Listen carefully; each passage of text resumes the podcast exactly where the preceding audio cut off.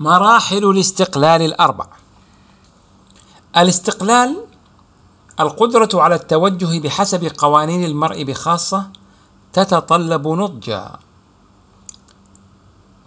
تطلب من المرء أن يكون راشدا في خياراته وقراراته وأن يتحمل مسؤولية تصرفاته. وإذا أن يعرف أحيانا كيف ينبغي عدم الامتثال للنظام الاجتماعي لكي يظل متطابقا مع قيمه نحن نميل كثيرا إلى الامتثال بصلابة للقوانين متناسين وظيفتها البدائية. أن يكون المرء مستقلا هو معرفة ما هي القوانين والقواعد التي نحترمها ولماذا؟ إن النضوج هو نتيجة عملية تطور شاملة ووعي الذات ومقامها في العالم ودورها الاجتماعي. ولاكتسابه يتحتم علينا أن نتعلم إدارة انفعالاتنا وعلاقاتنا مع الآخرين لكي ننتقل من الاعتماد أو التبعية إلى المسؤولية الشخصية والاجتماعية. الراشد يعرف كيف يزيح التركيز عن نفسه لكي يركز على الآخرين.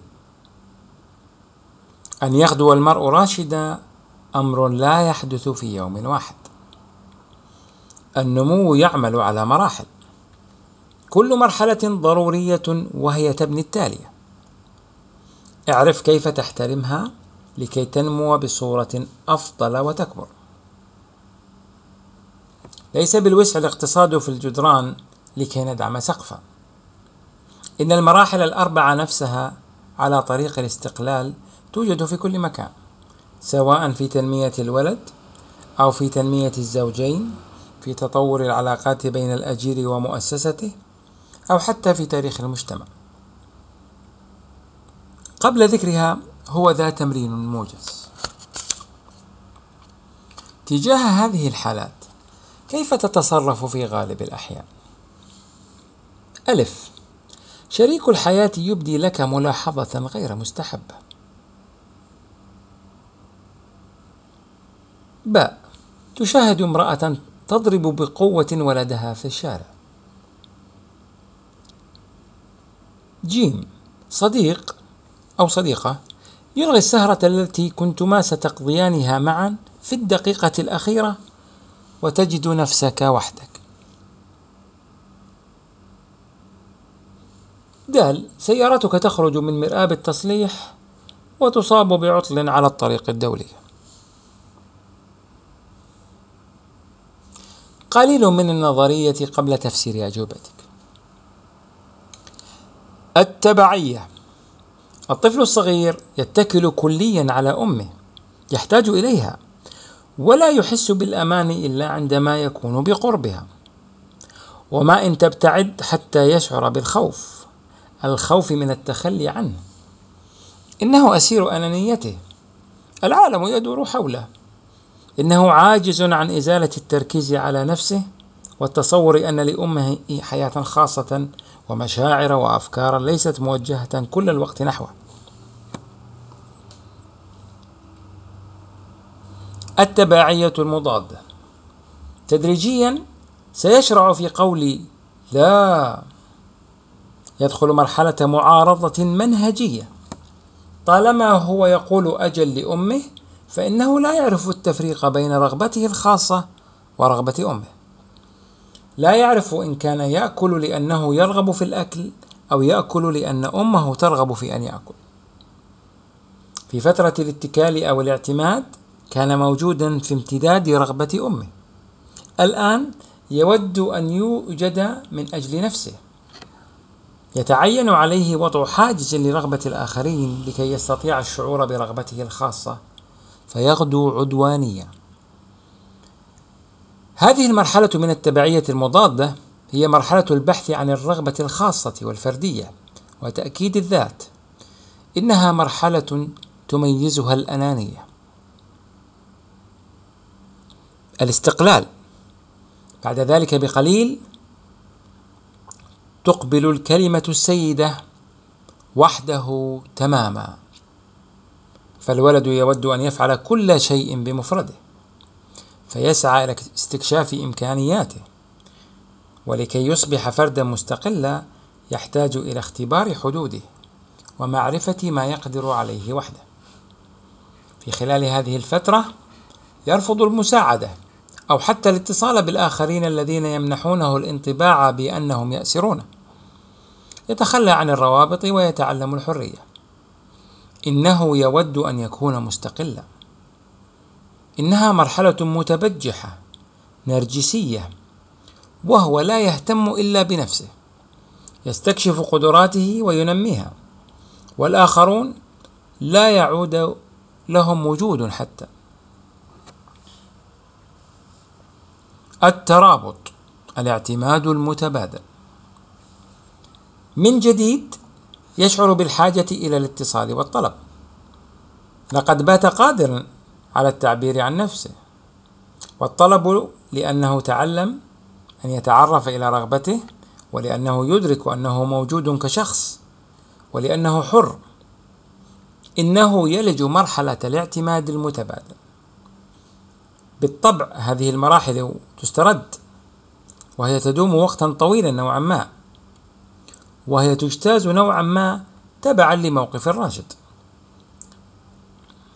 إذا لم ترضى الأم بمعارضات ولدها وإذا هي أجبرته على الأكل أو على القيام بما يرفض القيام به وإذا أخضعته لإرادتها فإنه يتراجع على وجه الاحتمال إلى مرحلة الاعتماد أو الاتكال أي التبعية. إذا هي اتهمته بأنه خبيث أو شرير وحاولت معاقبته بسبب معارضته بإحباطه يخشى أن يظل في مرحلة الاعتماد المضاد. وإذا هي عرفت أن تحترمه في رفضه مع بقائها مهيئة بالنسبة إلى رغبته عندما تتبدى عندئذ قد يتقدم شطر مرحلة الاستقلال. في هذه المرحلة وإذا شعرت الأم أنها مستبعدة أو أنها لا تتساهل في ابتعاد ولدها عنها أو تعرضه للمجازفات من دونها فإنه سيتراجع إلى مرحلة التبعية المضادة بل حتى الاعتماد فإما ينعزل داخل نفسه أو ينحبس في استقلال داخلي. إذا هي عرفت أن تدعه يحيا حياته مع بقائه مهيئا عندئذ سيدخل مرحلة الاعتماد المتبادل. إنه موجود كشخص وأمه موجودة بالنسبة إليه كشخص. هذه المراحل تتكرر لولبيا طوال الحياة. لنلقي نظرة على المراهقة. إن الولد الذي كان تابعا ومعتمدا يبدأ الثورة ورفض القيم الوالدية وقول لا ثم إنه يغادر والديه فهو في حاجة إلى الحرية والاستقلال.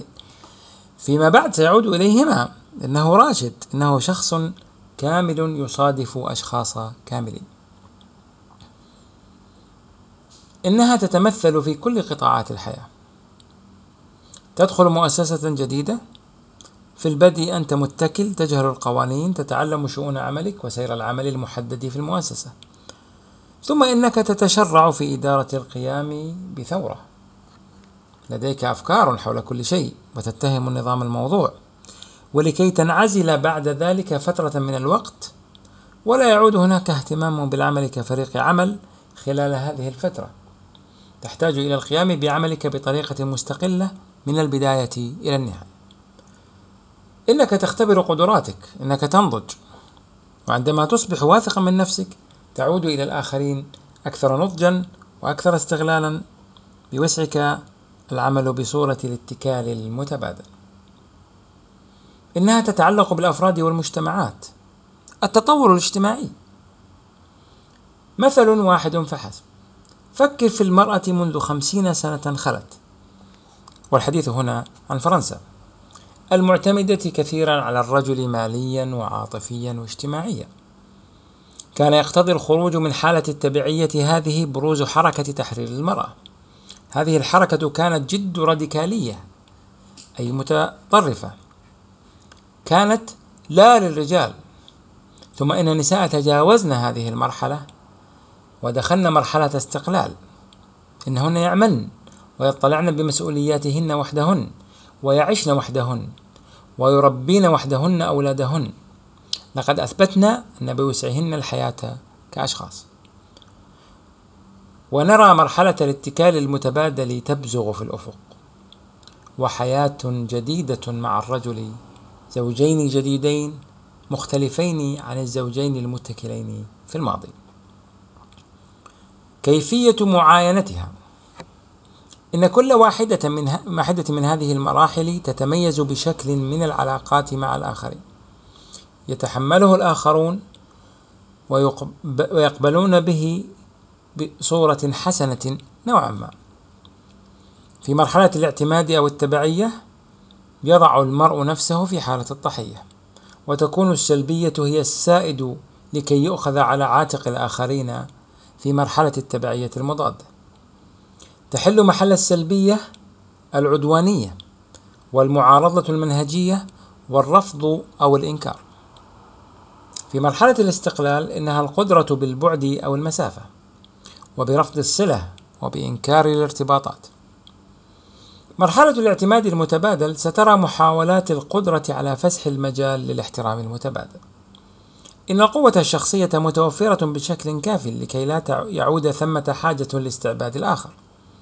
إنها المرحلة الوحيدة التي سترى الإيثار الحقيقي يولد.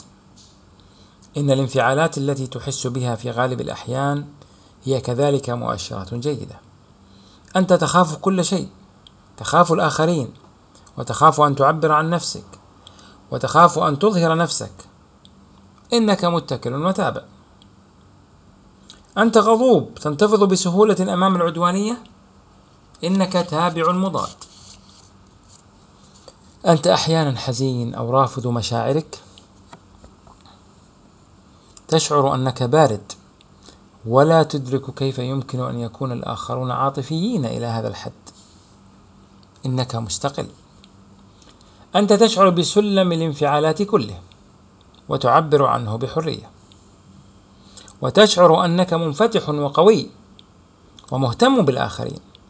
حتى عندما تكون وحدك. فأنت مترابط. التبعية الطلب الأمن والبحث عن الطمأنينة. الهدف أن يكون المرء محبوبا. خوف حساسية بالنسبة إلى الضيق الخوف من الهجر. الآخرون موجودون هنا من أجلي. القدرة بالسلبية تمثيل دور الضحية أو المنقذ وهو إيثار الأمن. ذاتية وامتثالية. التبعية المضادة. الطلب تأكيد الذات تفردية. الهدف الوجود. غضب ثورة حساسية بالنسبة إلى الظلم. بناء الهوية بالمعارضة ولادة الرغبة الشخصية القدرة بالعدوانية. تمثيل دور المضطهد. أنانية. الاستقلال الطلب حرية وحدة اختبارات متعددة. الهدف أن يصبح المرء ذاته ويستكشف إمكاناته ويعرف نفسه. حزن أو رفض للمشاعر. الخوف من السجن انطواء على الذات انعدام الحساسية ضبط الانفعالات القدرة بالبعد رفض الصلة أنانية نرجسية عشق للذات. الترابط أو الاتكالية المتبادلة. الطلب تورط اجتماعي. الهدف تحمل المرء مسؤوليته تحقيق ذاته التعبير عن نفسه الحب. الحب وكل الانفعالات الارتكاسية المتكيفة مع الأحداث. فتح القلب الثقة القبول الانسجام. إطار تزكية داخلية رجوع المرء إلى قوانينه الخاصة قوة شخصية لا محاولات قدرة احترام متبادل إيثار. لنعد إلى الحالات الأربع المقترحة في بداية هذا الفصل قبل تفسير أجوبتك الخاصة ولنحلل ردود فعل ممكنة مختلفة.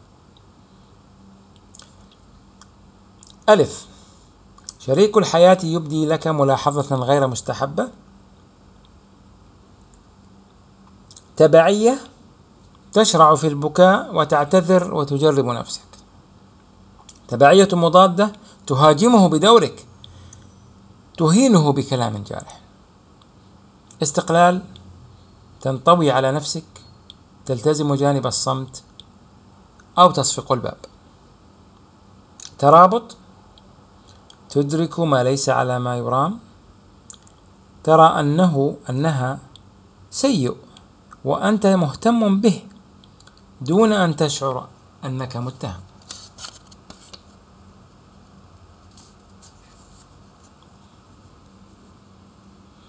والآن جد التصرفات المحددة لكل مرحلة في الحالات الثلاث الأخرى. باء تشاهد امرأة تضرب بقوة ولدها في الشارع. تبعية؟ تبعية مضادة؟ استقلال؟ ترابط. جيم؟ يلغي صديق أو صديقة السهرة التي كنتما ستقضيانها معا في آخر دقيقة وتجد نفسك وحيدا. تبعية؟ تبعية مضادة؟ استقلال؟ ترابط.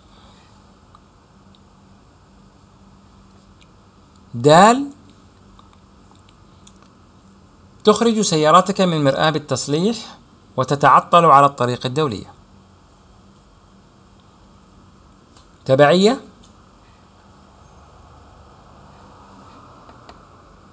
تبعية مضادة استقلال.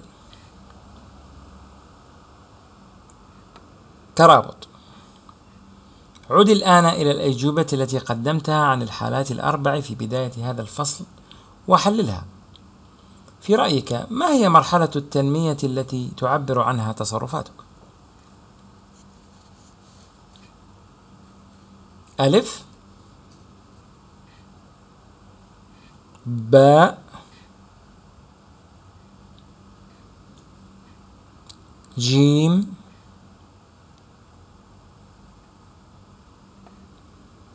دال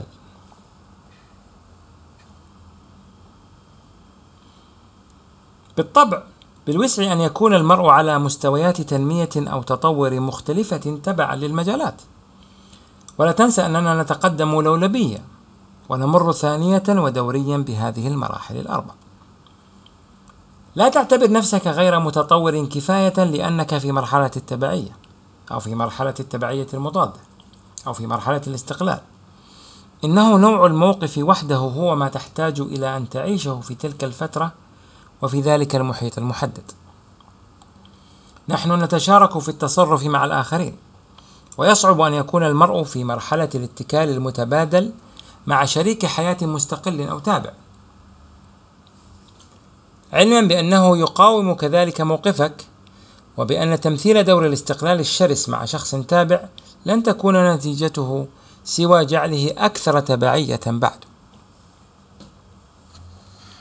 تأمل حياتك. هل تستطيع فهم من يجعلك تبقى في هذه المرحلة التي أنت فيها؟ لا تفسر أجوبتك ولا هذه المراحل بطريقة صارمة. إنها تحريضات على التفكير حول معنى تصرفاتك وحول ما ترمي إليه وما تحصل عليه كنتيجة. غير أن البشري معقد ولا يسعه الاقتصار على رسوم بيانية. وإذا كنت أقترح عليك أنظمة فلا ترتب من أجل ذلك تصرفاتك أو تصرفات الآخرين في الأدراج المقترحة بطريقة مفرطة المنهجية. كن يقظا بالنسبة إلى حقيقة أن عدة مراحل غالبا ما تتراكب. مع ذلك إن معاينة المرحلة الرئيسية التي يوجد في توجد فيها تتيح لك أن تحدد غايات واقعية. مثلا إذا كنت تبعيا في علاقاتك العاطفية وتود أن تجسد الحب، يخشى أن لا تنمي سوى حب تبعي. إن الحب الحقيقي يقضي بأن تكون قبل أي شيء قادرا على قول لا للشخص المحبوب. والحياة من دونه والوجود تجاهه كشخص مستقل. ليس في الوسع القفز فوق المراحل كن نزيها تجاه نفسك فإنك ستتقدم بسرعة أكبر كذلك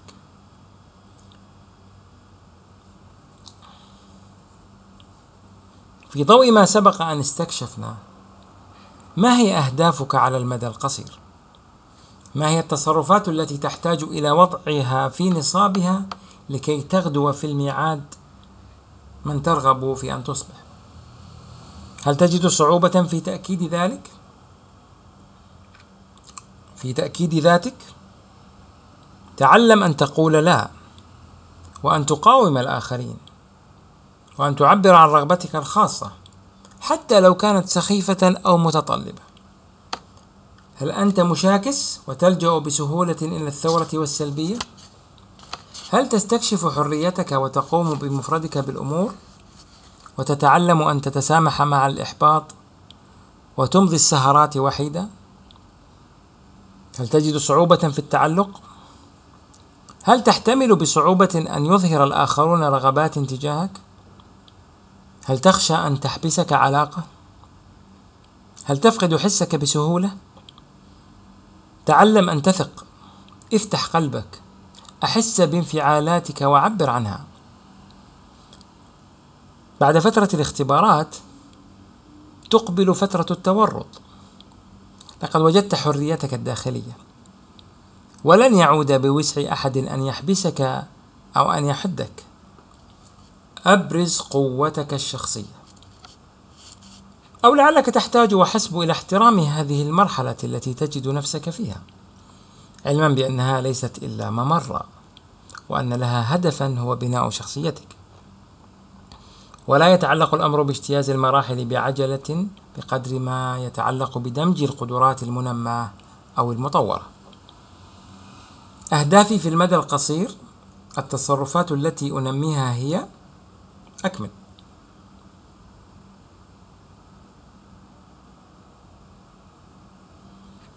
هل قمت بكل التمارين حتى الآن؟